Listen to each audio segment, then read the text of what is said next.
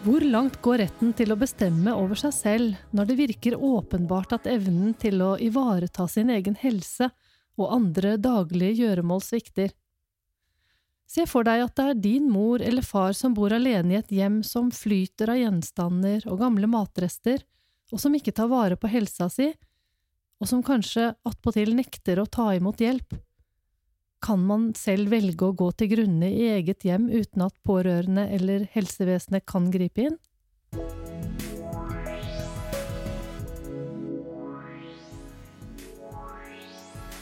Dette er Veilederpod fra Visma, en podkast for ledere og ansatte i offentlig sektor. Jeg heter Lisbeth Storvik Jacobsen, og i dag er det jurist Bente Berg Haugli som er med meg i studio. Så fint å ha deg med, Bente. Fint å få lov til å være her. Du har jo skrevet en artikkel om eldre mennesker som motsetter seg å ta imot hjelp. Hvordan kom egentlig det temaet opp?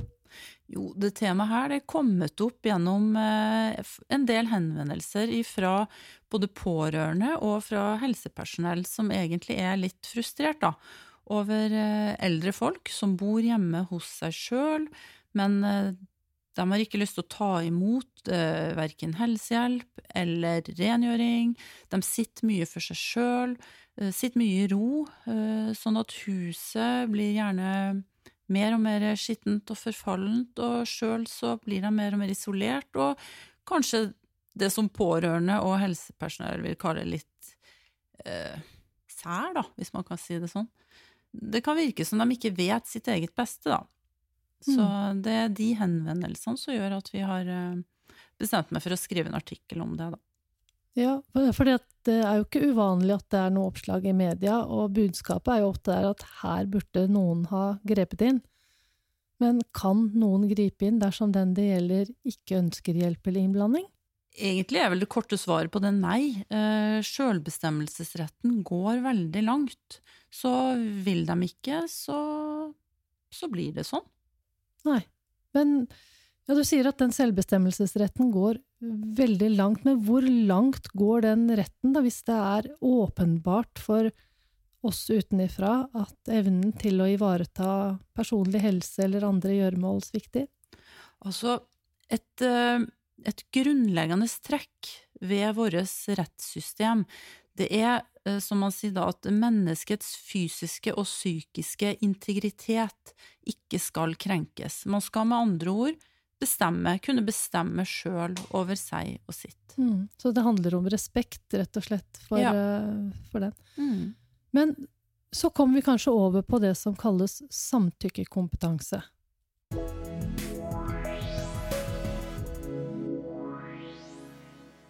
Og samtykkekompetanse, det tror jeg det er fint hvis du sier litt mer om, Bente.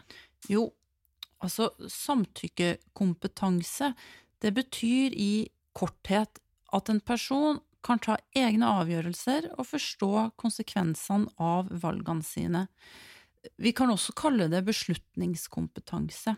Og det følger altså av hovedregelen i pasient- og brukerrettighetsloven at eh, pasienter og brukere skal da kunne samtykke til egen helse- og omsorgshjelp. Så det betyr at så lenge en person forstår konsekvensene, så kan de nekte å ta imot helsehjelp, da? Ja, det er riktig. Har alle mennesker samtykkekompetanse? Altså, som, eh, som, sagt, så det så, så følger det av pasient- og brukerrettighetsloven at eh, følgende personer da har samtykkekompetanse. Det er myndige personer, med mindre da, som det står, anna følg av særlige bestemmelser. Og så er det min, mindreårige, da, men etter fylte 16 år, som er den helserettslige myndige og også der er det med mindre anna følg av særlige lovbestemmelser eller av tiltakets art. Sånn at noen ganger så kan det være ganske så klart at en person mangler samtykkekompetanse, for eksempel hos eldre man ikke får kontakt med, men andre ganger så er det ikke så klart. Ja, så Hvis vi holder oss til dette her med helsehjelp nå, hvordan finner man ut da om en person er samtykkekompetent eller ikke? Hvem er det som kan vurdere det? For å svare på det siste først, Det er altså den som har det faglige ansvaret for behandlinga, som skal ta avgjørelsen av om en pasient er samtykkekompetent eller ikke, for eksempel en fastlege. Og viktige momenter i den vurderinga der, det er altså at eh, har pasienten en alminnelig forståelse av hva slags beslutning det dreier seg om, og hvorfor det er nødvendig å fatte beslutninger. Og så er det også en vurdering av om har pasienten en alminnelig forståelse av de sannsynlige følgene av å gi samtykke eller ikke i denne situasjonen. Mm. Og så er det videre da et spørsmål om er pasienten i stand til å forstå, til å huske, til å anvende og vurdere informasjonen som er gitt om helsehjelpa. Og så er det et spørsmål om, altså om eh, pasienten kan formidle sin eh, beslutning ved tale eller skrift, eller kroppsspråk, eller på andre måter. Mm. Men du sier at det er noen som, fastlegen kanskje, eller noen andre som tar denne vurderingen. Hva hvis man er uenig i vurderingen, da? Jo, det er sånn da at eh, begrunnelsen, som er skriftlig, eh, den skal da legges frem for pasienten sjøl, eller eventuelt for eh, nærmeste pårørende. Hvis ikke pasienten har pårørende, så, det, mm, så skal da avgjørelsen legges frem for helsepersonell. Og en pasient eller en representant for pasienten kan da klage på denne avgjørelsen om manglende samtykkekompetanse. Mm. Det du sier, det er i hvert fall at samtykkekompetanse, det er noe man kan miste selv om man har hatt det. Ja. Samtykkekompetansen kan, som vi sier, bortfalle helt eller delvis. Sånn at hvis en person blir vurdert som da ikke samtykkekompetent, så er kravet altså at vedkommende, som det står i loven, da, eh, åpenbart ikke er i stand til å vite, eller å forstå, da, hva samtykke om, omfatter. Mm, jeg har lyst til å, å, å, følge opp det her med åpenbart, men eh, jeg har bare lyst til å skyte inn et lite spørsmål først. Det, for du sa helt eller delvis. Mm. Betyr det at man kan være samtykkekompetent i noen saker, sånn for eksempel helt enkle ting, hva man vil ha på seg og hva man vil spise, mens man i andre tilfeller ikke kan være samtykkekompetent? Ja, ja det, det, det, er sant, det. Det er riktig. Mm. Men åpenbart, når er det det er åpenbart da, at uh, du har mista samtykkekompetansen din? Også, som uh, man skjønner, åpenbart er jo en, uh, en forholdsvis skjønnsmessig vurdering. Mm. Sånn at situasjonen den kan endre seg, og den kan variere over tid. Sånn at vurderinga må derfor da gjøres før hver inngripen. Eh, men samtidig så er åpenbart det et kraftig juridisk uttrykk. Sånn at det skal ikke være rom for tvil. Hvis man er i tvil om en person er samtykkekompetent, da er personen faktisk samtykkekompetent. Ja. Sånn at det skal med andre ord, det skal mye til for at en person ikke har samtykkekompetanse. Ja, det skjønner jeg da. Og i og med at det skal gjøres før hver inngripen, så er det kanskje snakk om de litt større sakene, da, som en sånn type vurdering gjøres. Ja, det kan du si. Men i hvilke tilfeller er det vanligst at en person mangler samtykkekompetanse, da? Jo, det kan være um, ved det vi kan kalle fysiske eller psykiske forstyrrelser. Mm. Det kan være med en demensdiagnose, og så kan det være ved psykisk utviklingshemming. Du nevnte demens eh, her nå. Er det sånn at man automatisk mister den samtykkekompetansen hvis man får en demenssykdom? Nei, det er faktisk en av de vanligste misforståelsene. Det er nettopp at en demensdiagnose automatisk gir bortfall av samtykkekompetanse. Det, det gjør den ikke. Sånn at Altså, hvis en sånn prakt praksis eh, skulle etableres, så ville det berøre rettssikkerheten til en veldig stor og en voksende gruppe i samfunnet vårt. Mm. Sånn at demens, det utvikles jo gjerne over tid. Um, og det kan komme da til et punkt hvor det er rimelig å frata pasienten samtykkekompetansen når det gjelder f.eks. En, uh, ja, en sykehjemsinnleggelse. da. Mm. Men dersom alle grader av demens automatisk skulle medføre tap av samtykkekompetansen, så ville det faktisk åpne for en betydelig økning eh, av samfunnet sin bruk av tvang overfor denne gruppa. Så nei, eh, en Mm. demensdiagnose gir ikke automatisk eh, bortfall av samtykkekompetansen. Nei, det var en eh, bra presisering. Mm. Men jeg har lyst til å holde meg litt til en, eh, en sånn begynnende demenssykdom likevel, ja. Eller det er jo ikke sikkert det behøver å være det heller. For det er mange av oss som har opplevd at eldre slektninger eller nære pårørende kan bli litt sære og surrete, selv om de kanskje ikke har fått noen diagnose.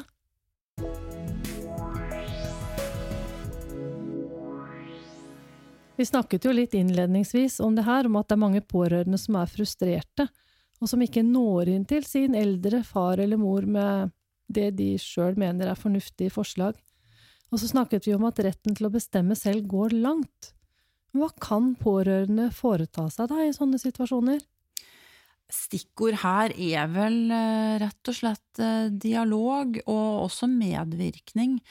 Um, pårørende, og spesielt nærmeste pårørende, har jo en mulighet til å si sin mening, da. Uh, Mm. Sånn at helsepersonellet må jo høre på det, og, og det må forsøkes, som sagt, uh, at, at de snakker med både faren, mora si, eller Mm. helsepersonellet som er uh, involvert, da. Men, men det er viktig, tenker jeg, å få frem her at voksne unger har ingen myndighet til å bestemme over eh, foreldrene sine, sjøl om de blir gammel og eventuelt også dement. Ja, for det er jo ikke alltid at det er helsehjelp det er snakk om heller. Det kan jo være andre daglige gjøremål òg, sånn som vi var litt inne på i stad. Eh, Men hvor går egentlig grensen for hva som er, kan du si, ligger innenfor daglige gjøremål, og hva som kommer inn under helsehjelp?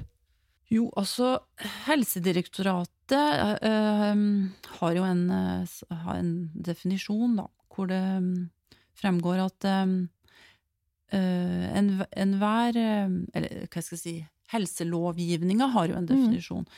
Um, enhver behandling, som det står, som har forebyggende, diagnostisk, behandlende, helsebevarende, rehabiliterende eller pleie- og omsorgsformål, og som da utføres av helsepersonell. Det er helsehjelp i henhold til regelverket. Så definisjonen av helsehjelp er egentlig ganske vid, Ja. men den er begrenset av at den hjelpen skal utføres av helsepersonell. Ble det riktig da?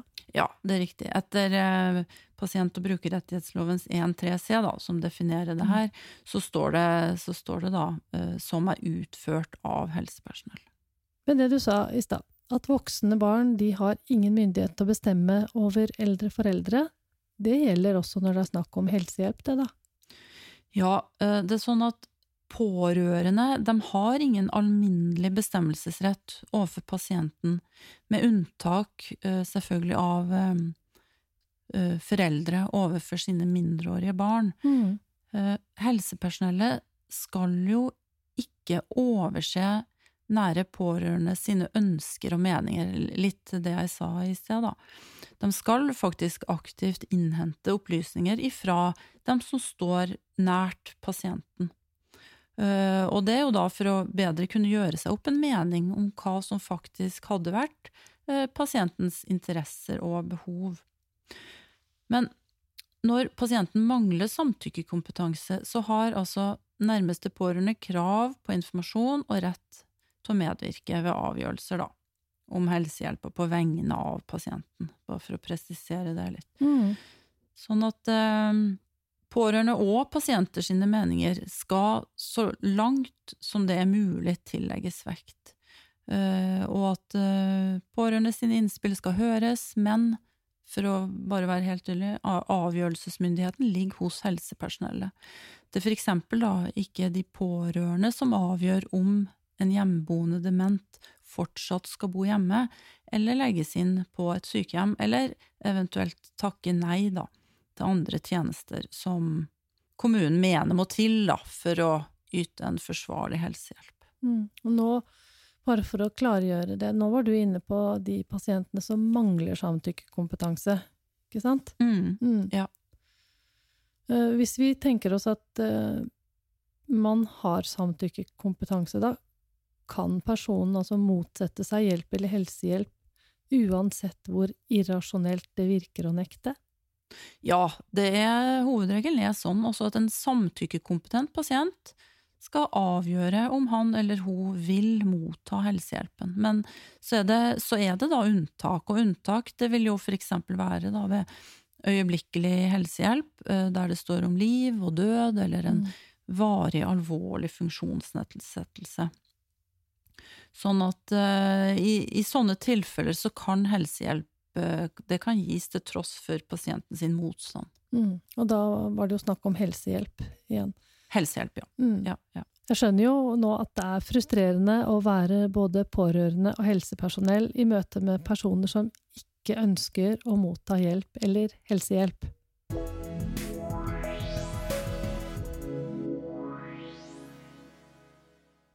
Er det noe du har lyst til å oppsummere med, Bente? Det korte svaret her er vel at det fins dessverre Det fins nok eh, egentlig ingen klare løsninger på det her, men eh, vi kan gi noen tips, da. Um, det er klart, en erfa et erfarent helsepersonell som har jobba med det her, som har kompetanse på det her, vil jo på en måte trygge både pasient, bruker og pårørende. Um, og så er det jo viktig da å huske på at for å si det sånn, loven går foran, da. Det som handler om samtykkekompetanse i regelverket, det er det, er det som gjelder. Sånn Mm. at det er liksom ikke jeg skal si, Det er ikke noe stor skjønnsmyndighet her, da. Uh, og så får man prøve bare å huske på at uh, en får godta at folk er forskjellige, da. Og at det kanskje helsepersonellet eller pårørende syns rart eller sært eller pussig, eller Den pasienten det gjelder, har faktisk lov til å bestemme over seg sjøl. Det er ikke sikkert han eller hun syns det er så rart. Så jeg tenker at når frustrerte pårørende, frustrerte helsepersonell og kan skyte inn eventuelt pressen, som også er frustrert, og lurer på om ikke det her kan gjøres noe med. Når, når man forstår og aksepterer det her, at selvbestemmelsesretten går langt, så kan det jo hende at noe av det presset som man har mot seg sjøl om å måtte gjøre noe, da, måtte prøve hardere og mer, kanskje det presset letner litt. Mm. Hvis man kan være innforstått med at eh, du, han får bestemme sjøl. Rett og slett. Så rett og slett, Mm. vi må akseptere at mennesker er forskjellige, at eh, retten til å bestemme over eget liv, den går langt, og at du egentlig også med loven i hånd faktisk eh, nesten kan gå til grunne i eget hjem, uten at verken helsepersonellet eller pårørende kan gjøre noe med det. Ja, Mm. Ja, da får vi håpe at vi har oppklart litt grann rundt det her. Tusen takk for at du var med i studio i dag, eh, Bente. Bare hyggelig. Da tenker jeg vi sier takk for oss. Dette er Veilederpod fra Visma, en podkast for ledere og ansatte i offentlig sektor. Og ansvarlig for denne sendingen har vært Lisbeth Storvik Jacobsen, produsent og teknisk ansvarlig Magnus Bjørnby.